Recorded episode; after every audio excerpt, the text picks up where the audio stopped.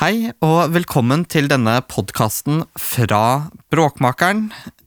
Mitt navn er Kamerat E, og dagens tema er klimaangst. Vi lever i en tid med store eksistensielle utfordringer for menneskeheten.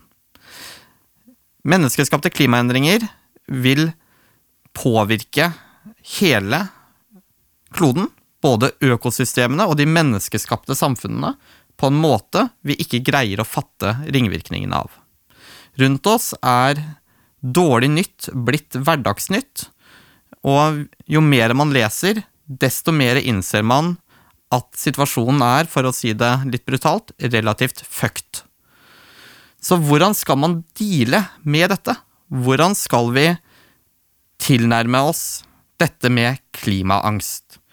Med oss i dag har vi tre flotte aktivister i studio. Vi har med oss Felix, som vanlig her i studio.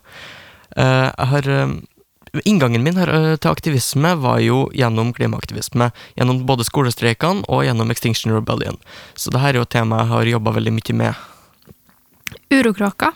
I likhet med Felix så har jeg vært involvert i ulik klimaaktivisme også. Jeg var blant annet på de aller første Extinction Rebellion-protestene i London. Og vi har også i dag er vi så heldige at vi har med oss en eh, veldig spesiell gjest. Vi har med oss uh, Hei, jeg heter Apayaok. Uh, jeg er inuitt og er engasjert i, uh, i litt klimapolitikk i Alaska, og også interessert i, i klimaaktivisme her i Norge òg. Jeg var med og fotograferte skolestreikene og syntes det var et veldig spennende prosjekt.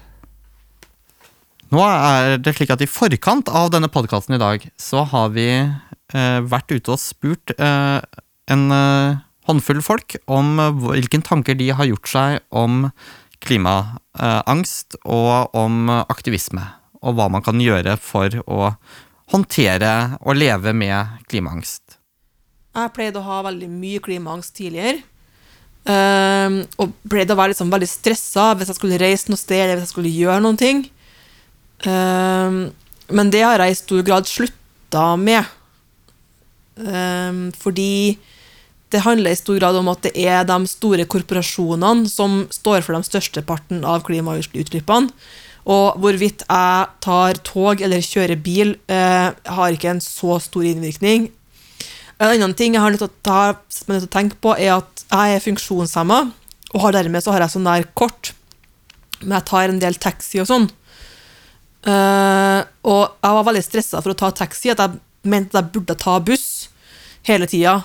Uh, fordi man bør jo ta buss, det er jo mye bedre. Eller sykle eller gå. Men jeg tar altså da taxi.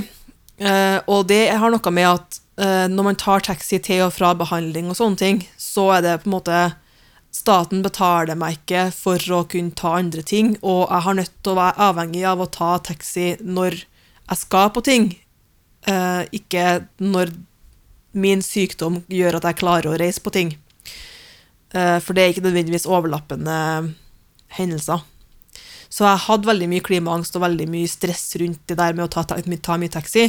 Men det har jeg bare bestemt meg for å slutte med, fordi det er som sagt de store korporasjonene som slipper ut mesteparten.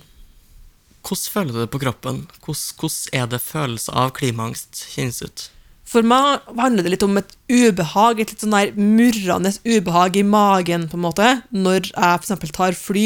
Hvis jeg må fly et eller annet sted, så føler jeg et sånn fysisk ubehag eh, når, av at jeg tenker 'herregud, jeg burde ikke gjøre det her, jeg burde ikke fly'. Hvordan håndterer du klimaangsten? Jeg bestemte meg for å slutte å ha klimaangst. Nå er det kanskje lettere sagt enn gjort, men eh, jeg klarte ikke å føle på så mye angst og så mye ubehag knytta til det å reise med taxi til og fra behandling. Jeg klarte ikke å føle på så mye ubehag knytta til det å fly. Jeg klarte ikke, for Noen ganger kan man ikke la være å gjøre de tingene man gjør. Og eh, måten jeg har bestemt meg for å leve livet mitt på, og den funksjonsnivået jeg ønsker å ha, krever at jeg tar taxi den mengden jeg tar taxi. da. Alternativet er å sitte hjemme og være sjuk, liksom. Så jeg bestemte meg for å bare slutte med klimaangst, for jeg klarer ikke det. Men hvordan gjorde du det? Uh, ja, nei. Jeg bestemte meg for at hver gang jeg føler på den følelsen av uh, ubehag med at jeg reiser eller gjør ting, så tenker jeg ok, men vet du hva, denne taxituren her er ingenting sammenligna med hva Norge slipper ut av klima på sokkelen når vi utvinner olje. Det, det er piss i havet, liksom. Så det Man må heller prøve å knytte og rette den, det ubehaget og rette det mot dem som faktisk er ansvarlig for klimaendringene, og de korporasjonene og de nasjonene og de store greiene som faktisk slipper ut masse greier, da, men man skal være sint på dem istedenfor å være sint på seg sjøl. Så prøv å rette sinnet utover istedenfor innover. Jeg, som kanskje mange andre som lever i dag, har jo mye angst rundt mange forskjellige ting. Og jeg tror klima bare blir en av de følelsene som jeg blir engst, en av de tinga jeg blir engstelig rundt av mye annet, da. Blant annet eh, politikk eller identitet. Og klimaangsten kjennes veldig ut som, som de tinga. At det, det blir på en måte en eh, stressfaktor i hverdagen da, som alltid er der. Og i den hastigheten som hverdagen går eh, nå til dags, så føler jeg at jeg ikke på en måte helt har, har tid til å tenke på det. Det, det ligger i bakgrunnen, det er plagsomt, men uh, det er ikke alltid man har nok energi til å liksom anerkjenne det så veldig. Uh, men uh, hvis jeg skulle forklart det på liksom en helt fysisk måte, så er det på en måte en stramhet i nakken som bare åh, Skulle ønske vi bare kunne fikse det nå, men det er jo ikke så lett. Hvordan håndterer du det når det kommer? det blir jo ofte noe jeg tenker på veldig mye, og ofte så ender jeg opp med å prøve å bare ignorere det, siden det ikke er så veldig mye jeg som individ kan gjøre. Um, men det er jo noe jeg tenker på såpass mye da, at jeg prøver også å gjøre en forskjell, selv om jeg vet at ikke jeg kan endre verden. Så ender jeg opp med å ta sånne valg som kanskje gjør en bitte liten forskjell, da. Og kanskje gjør litt større forskjell om alle hadde gjort det. Eh, hvis jeg skal reise til familie, så eh, velger jeg å reise med tog ofte, istedenfor fly. Um, eh, og jeg prøver å spise mindre kjøtt og melkeprodukter. Og jeg tror det er bra, men jeg synes det er eh, vanskelig at det skal føles ut som at det er mitt ansvar.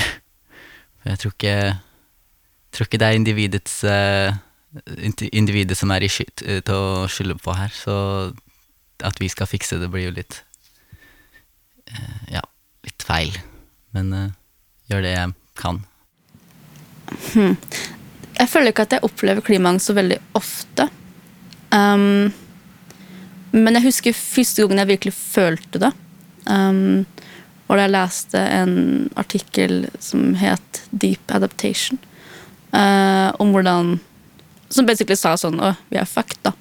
Um, og da Huet blir jo sånn her um, Huet blir jo overvelda. Altså hjernen. Uh, for det er så stort at man klarer liksom ikke helt å innse det. Uh, det er en slags følelse av apokalypse, da. Um, så det er, ja, det er en slags um, panikk og overveldende følelse. Jeg føler ikke at jeg føler det så fysisk, men at hjernen bare ah! Liksom. Um, Men det er også en følelse som jeg føler er lignende Hva skal jeg si? Jeg føler en lignende følelse når uh, andre store ting, store konsepter, overvelder meg, da. Uh, det kan være kapitalisme som bare går helt til helvete. Um, og kanskje hovedtanken at du, du ikke har en framtid. Eller framtida blir ikke lysere. Og den tanken er noe som kanskje slår meg ganske ofte. Og det, det er jo kobla til at um, jeg også stresser angående klima. Um, men den følelsen Jeg vet ikke. eh, Hvilke situasjoner du opplever det ja. Hmm. Det er når, når du blir konfrontert med det. Det kan enten være at du leser noe om det, eh, eller eh, hører noe på nyheten, eh, eller f.eks. bli møtt med folk som tar ting veldig nonchalant, eh, og du bare Som vet ikke hvor eh, Shit, folk, vanlige folk eh, skjønner ikke hvor fucked vi er. Um, og det gjør at jeg føler meg mer fucked, hvis det gir mening. Eh, og føler jeg litt alene i den følelsen. da. Eh, og føler at um, vent, kommer noen til det hele tatt fikse det her, eller ordne det her? Eh, og um, når man innser at at det er faktisk opp til eh, vanlige folk, eller aktivister, å faktisk endre noe, er, da kan jeg føle på den herre oh shit-følelsen. Hvordan håndterer du det? Ofte via humor. Eh, fordi Igjen, det er så stort at Jeg mener, jeg og eh, bestevennen min kødder med at «Oi, en dag når vi er i fascistkamper, liksom, så Å, det blir trist. Men det høres som en sånn den, den, den type som lager den, den type sånn katastrofescenario, er for å på en måte forberede meg på at eh, ting kan i framtida kan eh, bli skikkelig fæl. Eh, så det er en måte for meg å prøve å få det beste ut av nuet, og være takknemlig for alt som er egentlig bra nå. Um, så ja, humor og en sånn, sånn ironisk distanse. Um, og så ofte så prøver jeg å unngå, unngå å liksom konfrontere meg sjøl med det her. Det er, det er ikke alltid jeg er liksom i uh, Føler jeg er um, mentalt sterk nok til å takle det. Så jeg bare sånn OK, nå er jeg ikke i en mood til å konfrontere meg med verdensundergang. vi Jeg skipper til neste uke. Um, så en slags um, uh, Hva er det på norsk? Avoidance? Um, det, det bruker jeg ofte. På en måte. Kanskje, ja. Dessverre. Um, men jeg tror det er noe med at mennesker Vi er ikke lagd eh, for å takle så store, komplekse eh, situasjoner. Sånn, sånn eh, Hva er det man kaller det i akademia? Um, ikke hyper, jo, kanskje hyperobject. Noe er sånn så stort at du klarer aldri som én individ å liksom, wrap your head around it. Um, så ofte så prøver jeg ikke å wrap my head around it. Um, ja. Men når følelser først kommer, hvordan håndterer du det da? Håndtere og håndtere. Eh, jeg, tror bare, jeg tror egentlig bare la det flyte over meg. Um, men det er også noe med å vite spesielt uh, som aktivist, eller som kanskje anarkist, at jeg føler meg aldri helt håpeløs. Um, så det, det, det tar aldri helt kontroll over meg, fordi uh, det gir meg litt sånn Hva skal jeg si Fighting spirit. til å bare Ok, men det, det, gir, gir meg en, fokus på hva som faktisk er viktig i livet, da.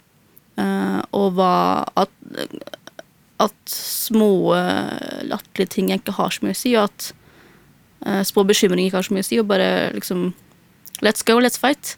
La oss uh, ta vare på det lille man har, da. Og passe på at Ja, det kan være det går under, men vi får for eksempel, for, Mest sannsynlig så er det jo fortsatt en verden, men det er bare ikke den verden vi er vant med.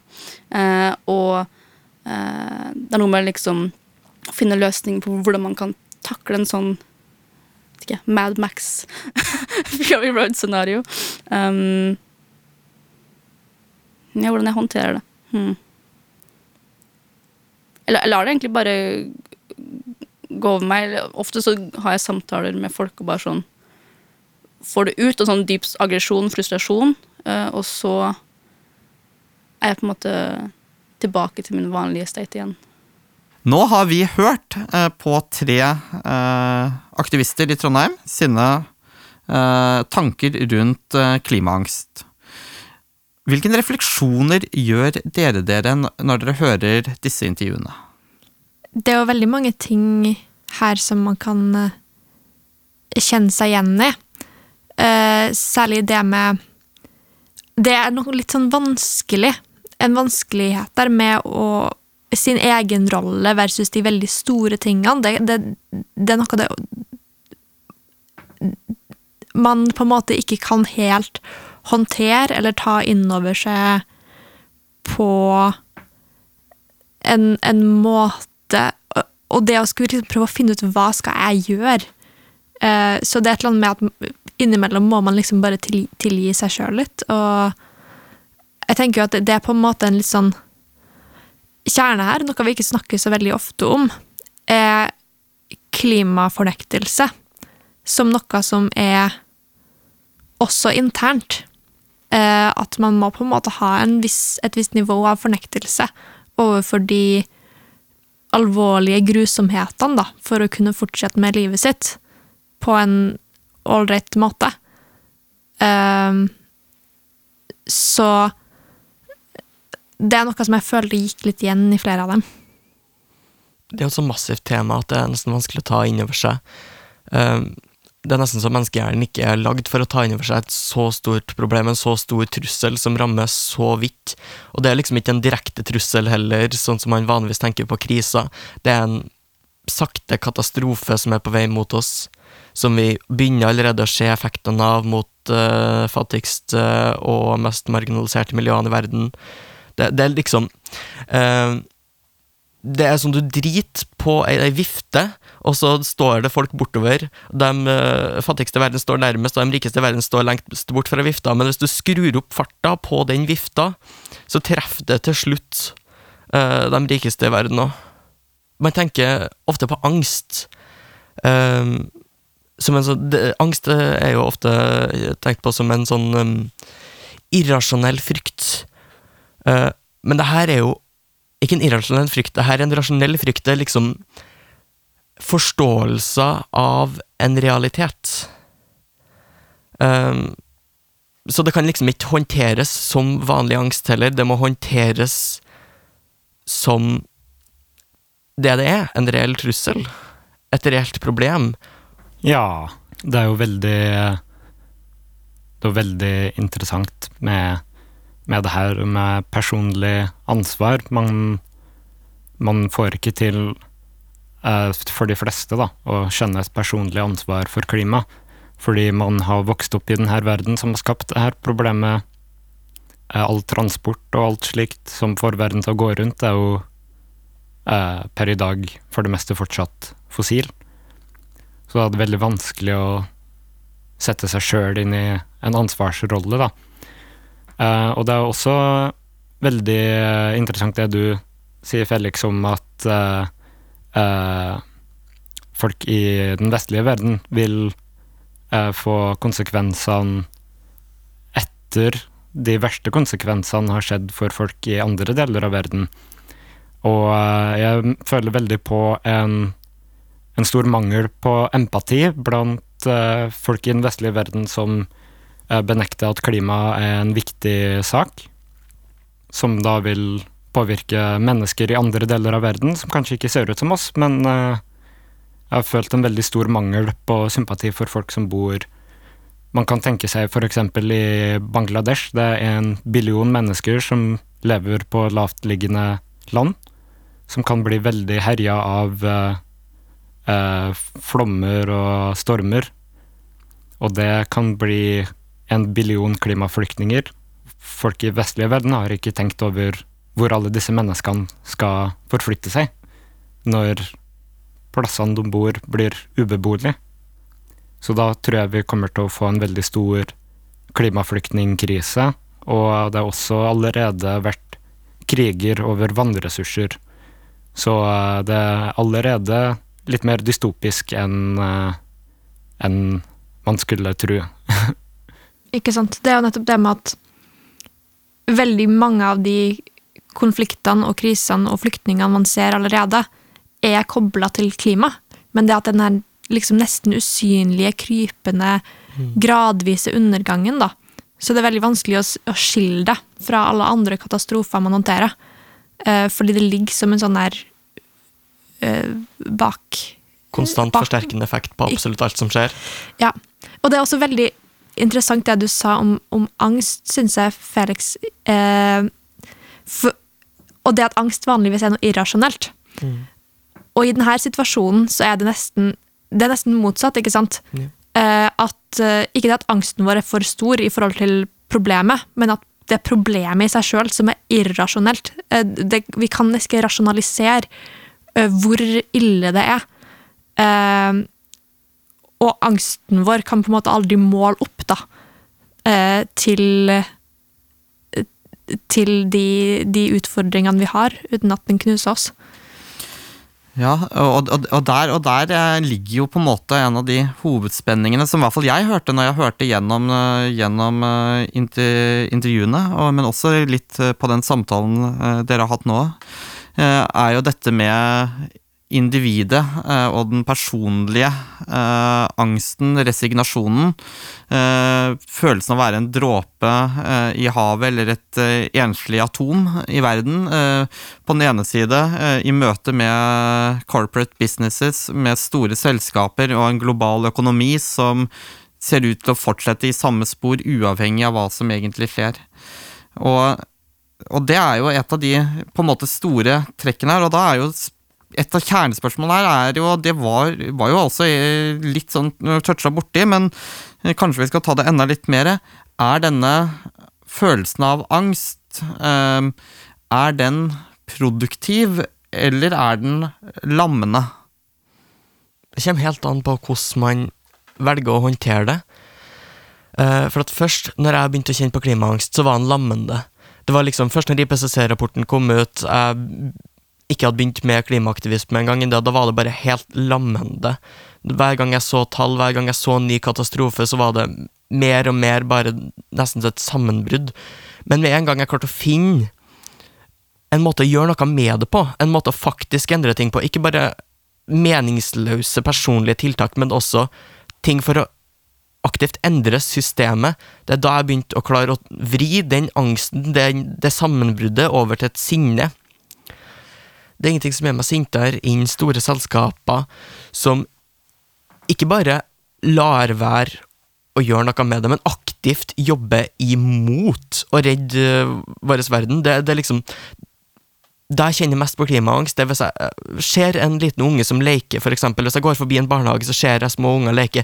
De kommer aldri til å være gammel nok til å gjøre noe med det før det er for seint.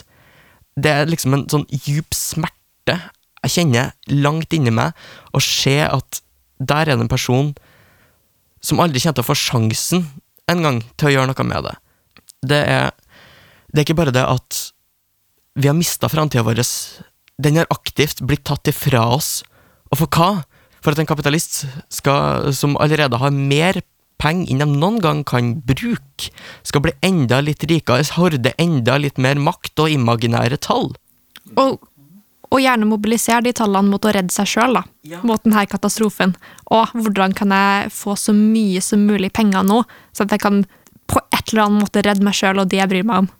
Ved å bygge en bunker, eller hva det er. Sånn der rik, rikmannsprepping. Um, det som Felix sa om å bli sint om å være kjent med selskaper som, som i historien har hatt en veldig stor effekt på hvordan eh, klimapolitikken har eksistert, da jeg tenker eksempel på et visst oljeselskap eh, eh, som eh, visste om eh, CO2 sin eh, effekt eh, siden 70-tallet. De hadde bare betalt for noe research og fått noe av den mest oppdaterte researchen som fantes på den tida. Fant ut at verden kommer til å varmes opp av CO2-utslipp. og de valgte å bare ikke eh, komme noe ut med den situasjonen, og heller eh, eh, fundere research som ville forminske effekten av, eh, av menneskeskapte utslipp.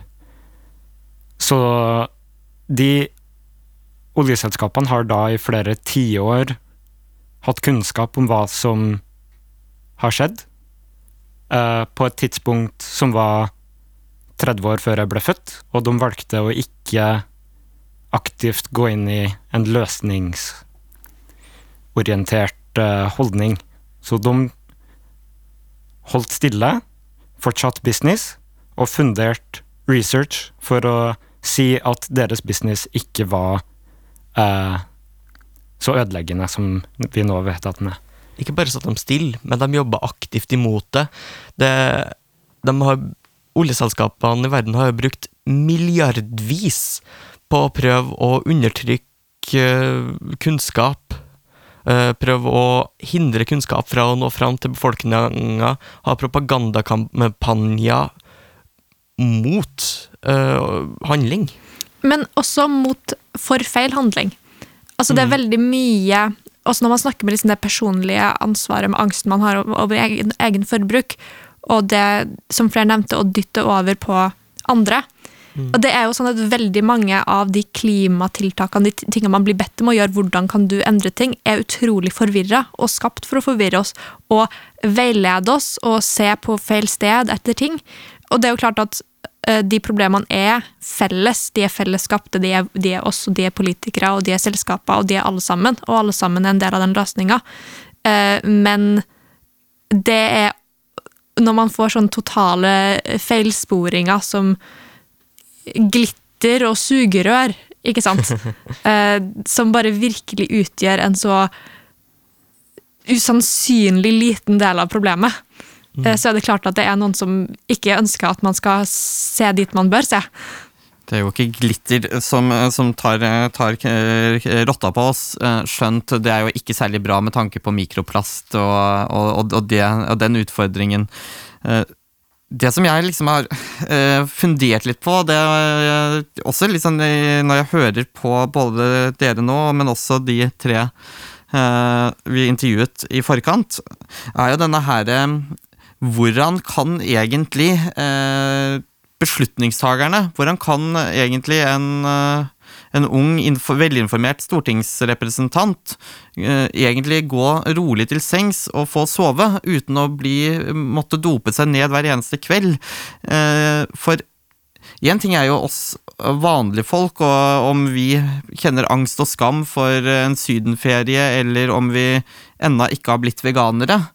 Eh, Men det er jo noe helt annet, tenker jeg, med de som faktisk sitter i, i, med en mulighet til å gjøre en radikal endring, men som gjentatte ganger nå velger å utsette eh, den handlingen. Hvilke tanker har dere gjort dere om hva som går gjennom hodet på dem som sitter med makta?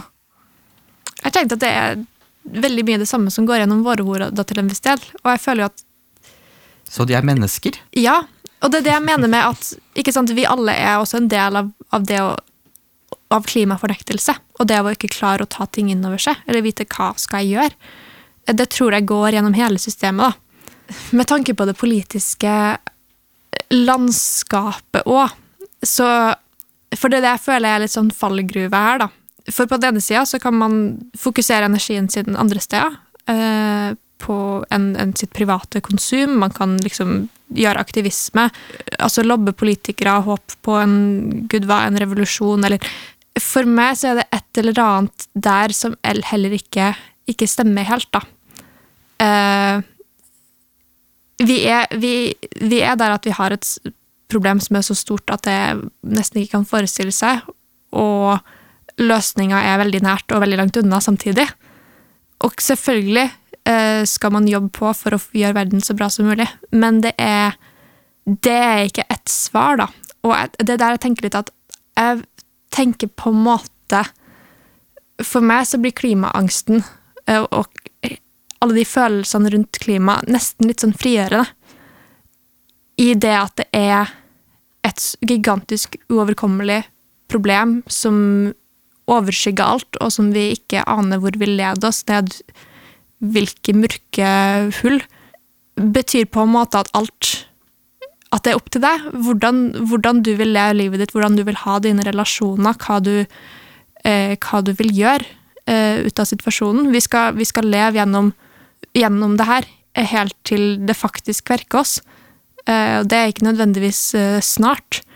Um, og det å gjøre det livet så godt som mulig, da, uavhengig av om man løser problemet eller ikke. For det er et eller annet der med å også på en måte akseptere at man er en forsvinnende liten del av det her, og at jorda er en forsvinnende liten del. Altså uh, Masseutryddelse er noe som kommer til å skje før eller senere uansett. Uh, å ha et litt sånn, nesten litt sånn Det er ikke alt man kan redde. Uh, og det er på en måte På en måte greit. og når det er sagt, så betyr det overhodet ikke at, at jeg ikke mener at vi bør gjøre noe. Uh, for meg er det også en veldig stor del av hvordan, hvordan jeg håndterer min del i det her. At jeg gjør så mye som mulig for å minske effektene av klimaendringene. For å ha et så godt liv som overhodet mulig eh, for meg sjøl og for alle andre så lenge som mulig. Eh, men det er ikke noe sånn at hvis vi ikke klarer det, den målsetninga der, da er alt ødelagt. For vi kan ikke, vi kan ikke sette sånn der Det kan ikke være svart og hvitt, da. Enten eller. Eh, For det er det er såpass langt at og, om, om vi ikke når den målsetningen, om alt sammen kollapser, så må man fortsatt, fortsatt fortsette å leve med det, fortsatt fortsette å leve gjennom det. Og vi må finne den der motivasjonen til, til å fortsette uansett hva, og fortsette å kjempe uansett hva. Og fortsette å ha en håp og en tro på et liv, eh, og en Ikke nødvendigvis en mening, men en aksept i at det ikke er mening også. Eh, selv om, selv om krisa ikke løses. For en, en løsning er ikke svart eller hvitt. Her syns jeg nesten at jeg hører et ekko av, av, av, av fransk filosofi eh, eh, med, med, og eksistensialismen. Eh, eh, vi vet vi, eh, vi skal dø, og vi vet at alt er forgjengelig, og alt Og derfor så må vi også leve. som om det ikke var det. Og vi må skaffe en mening i det meningsløse i verden rundt oss. Eh, og i det ligger det jo på et eller annet vis også en merkelig grad av trøst eh, med eh, at menings, mening og det meningsfulle er kanskje uansett en illusjon, men vi har alltid måttet skaffe en mening til verden også i møte med kriser. Hva tenker dere om, om Urokråkas påstand om at klimaangst er en inspirasjonskilde og også en mulighet for frihet? Ehm, ja, vil, jeg vil jo si at uh, klimaangst har har inspirert meg til å gjøre ting. Uh, men det er også en, en håpløshet med at vi har endt opp med denne situasjonen, uh, vi som lever nå, da, eller vi som er unge nå, uh, har fått en veldig stor oppgave av eh, tidligere generasjoner som har eh, bygd ut og industrialisert på en måte som ikke var holdbar. Eh, men også, ja, altså Altså, klimaangsten, den er jo Den får jo meg til å gjøre ting. Så det er jo ikke bare håpløst med det. Jeg er vel egentlig der at jeg har Jeg har gitt opp håpet på at vi kan løse krisa, men jeg sitter mer igjen med et sinne ovenfor dem som har skapt det, og utnytte den krisa for å horde makt. Jeg sitter igjen med et inderlig hat og en motivasjon til at de skal faen ikke komme unna med å ta ifra meg framtida mi. Det er også noe jeg føler på veldig ofte når det, når det virkelig er liksom dypt i den klimaangsten, da, er en dyp urettferdighet. Hvor jeg nesten kan bli sint på folk som er så mye som ti år eldre enn meg. Eh, For Å, fy faen, du har fått ti år ekstra med en eller annen normalitet som gradvis forsvinner. Og en annen ting som er også viktig å påpeke, at eh, for mange innfødte i det såkalte USA, så føles det mer på klimasorg. Fordi eh, det økologiske systemet i Nord-Amerika ble ødelagt av eh, eh, når Amerika ekspanderte, eh, altså USA ekspanderte, så ble det jo eh, Dust Bowl eh, i stedet for eh, gressletter. Og det har jo vært en utrolig massiv ødeleggelse av økosystem allerede. Og som inuitt, som har vært mye i Nord-Alaska, så har jeg merka endringer, da. Altså dyr som egentlig kanskje ikke burde være der. Som eh, rødrev helt på nordkysten av Alaska. eh, som vi kjenner fra norsk eh, eh, Så eh, norsk revesituasjon, da, så er rødreven større, og den liker veldig godt å spise fjellrevvalper. Eh, som da eneste fjellreven har, er at den er veldig godt tilpasset nisjen. Ekstrem kulde, eller opp på fjellet, eh, som gradvis minker pga. økende temperaturer. Vi ser også eh, smelting av tundraen, som kan utløse massive mengder med eh, metan, som er en mer effektiv klima, eh, grønn eh, Klimagass. klimagass enn eh, en CO2 er. Så det kan bli en sånn runaway-effekt, hvor eh, når det blir så varmt at tundraen smelter, vil det utløse så mye metan at det kan Det kan potensielt bli som Venus hvis det, det her ikke snur snart. For det er noe vi eh, har nesten altfor lite oppmerksomhet på. Det er jo det feedback loopsene som vi er på vei mot å sette i gang. Det er jo ikke sånn at uh, vi fortsetter 1,5 grad eller 3 som det ser ut som vi treffer nå, og så stopper det der. Det er en ball som begynner å rulle og rulle og rulle, som er egentlig ustoppelig. De er sjølforsterkende effekter. Og når vi Vi er allerede på vei til å utløse Var ni av dem, eh, den siste rapporten jeg så? Det er, er jo trukket fram at eh, disse, og stadig flere, eh, som du nevner, eh, er i ferd med å, å tre i kraft. Og, og når vi sier at noe trer i kraft, så er det jo ikke slik at det er sånn at det enten er aktivert eller ikke aktivert, men pga. dette komplekse dynamikker så henger alt sammen, og den forsterkende loopen eh, er veldig tydelig, eh, skjønt gjennom jordas geologiske epoker på flere milliarder år, så vil jo ting, eh, har jo ting vært endret seg mye, men det som jo skjer nå, er at vi får veldig sterke endringer på veldig kort tid, som kan gjøre uopprettelig geologisk skade. eh, Og det er jo et eh, veldig dramatisk impact i jordas og livets eh, historie. Eh, Og dermed så kan vi si at dette er eh, en irreversibel terskel, sånn som vi ser det på vår, eh, fra vår, vårt perspektiv. Eh, og vi er jo bare et millisekund på klokka eh, for jordas store klokke. Eh, og vår dommedag er jo betyr i det store og hele veldig lite, eh, med mindre vi skal ha veldig høye tanker om oss selv i et kosmisk perspektiv. Eh, men det jeg tenker jo litt på, da, eh, her, det er et eh, Vi snakker jo dette om dette begrepet angst, og det er jo et psykologisk eh, terminologi. Et begrep som jeg kommer, liksom, har kommet meg i mer og mer i hodet, er at noen ganger våkner jeg opp, så føler jeg at jeg lever ikke i en situasjon av angst, men mer i en slags form for klimapsykose. At vi er inn i en verden hvor vi egentlig vet at verden rundt oss ikke er virkelig, men allikevel er vi fanget inn i en uvirkelig virkelighet som hele tiden regenererer seg, og som det er umulig å bryte ut av som en drøm. Vi vet vi drømmer, men vi er allikevel våkne, men vi kan ikke bryte ut og våkne opp fra drømmen. Og det, denne drømmen, for meg har den et navn. Eh, og nå kommer jo katten ut av sekken her. Det er jo kapitalismen. For hadde det ikke vært for at man på slutten av 1700-tallet begynte å grave ut steinkull, brenne det, eh, starte den industrielle revolusjon, eh, og med alle de eh, økonomiske kaskadevirkningene det har hatt, så ville man jo ikke ha vært i den situasjonen at vi ville ha vært i stand til å påvirke klimaet på den måten vi har vært.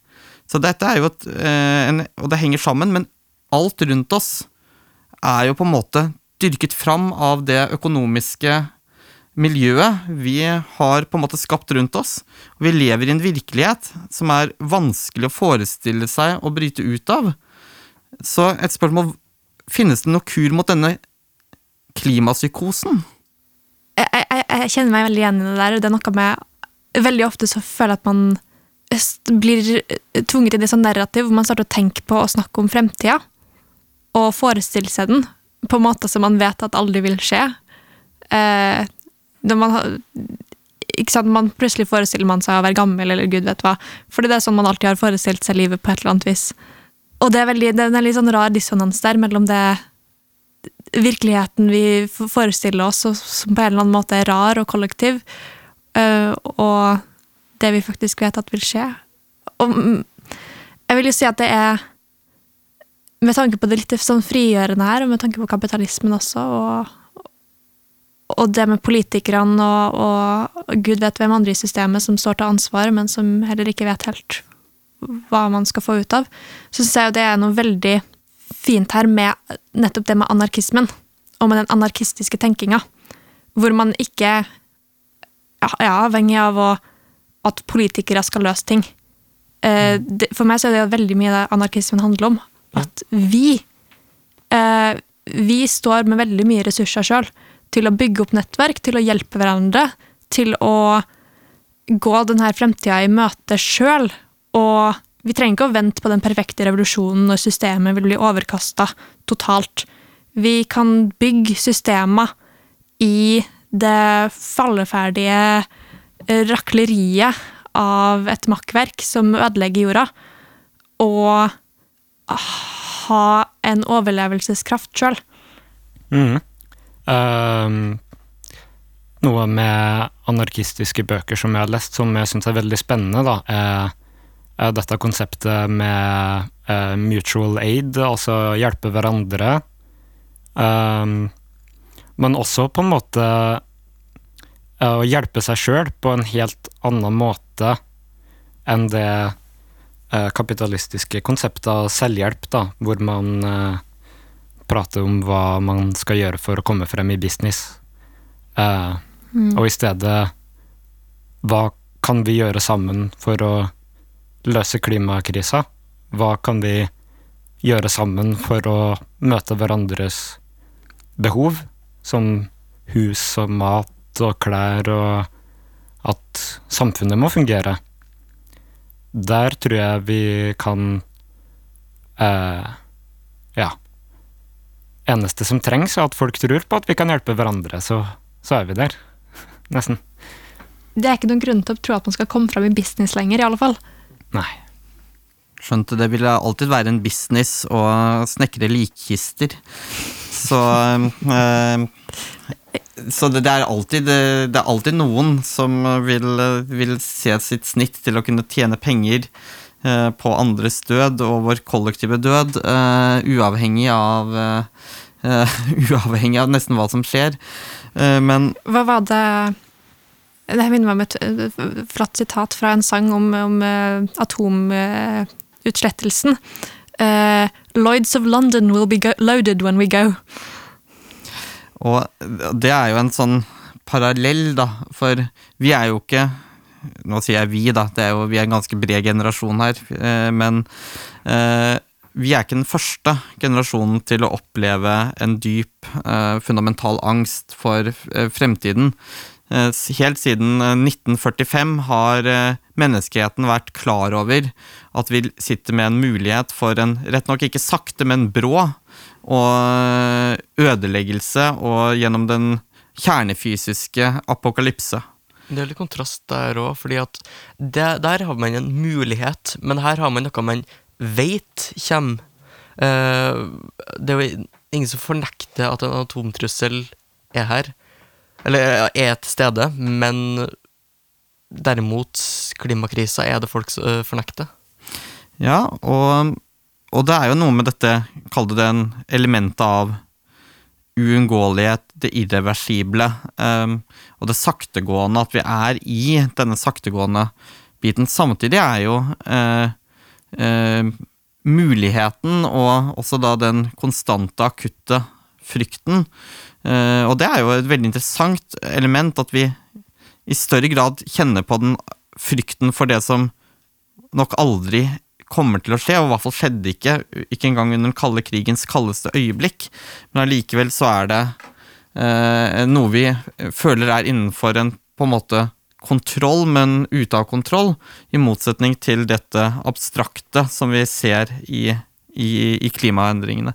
Men jeg tror selve angstfølelsen folk eh, som kjenner på klimaangst, sitter med, også har mye til felles med den angstfølelsen veldig, veldig mange eh, i, over hele verden hadde i forbindelse med eh, med atomtrusselen når den var på sitt aller, aller høyeste, på f.eks. 50-, 60-, 70-tallet, hvor man ble daglig inndrillet på skolene om hvordan man skulle dukke under, under skolepulten eh, ved en atombombe, vel vitende om at hvis den faktisk gikk av, så ville du være historie i samme øyeblikk.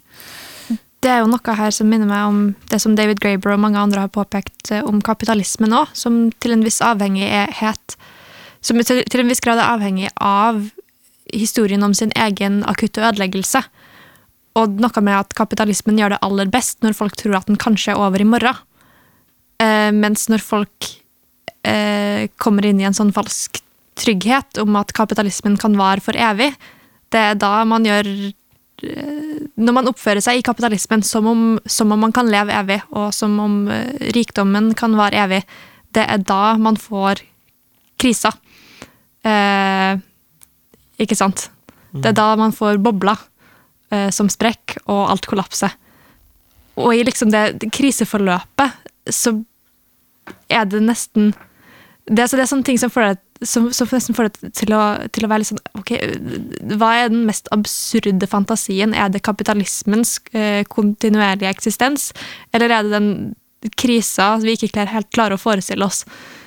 Det er eh, veldig interessante eh, punkter, og vi begynner å nærme oss litt slutten her, men eh, før vi kommer helt dit, så ønsker jeg å stille dere et litt personlig spørsmål.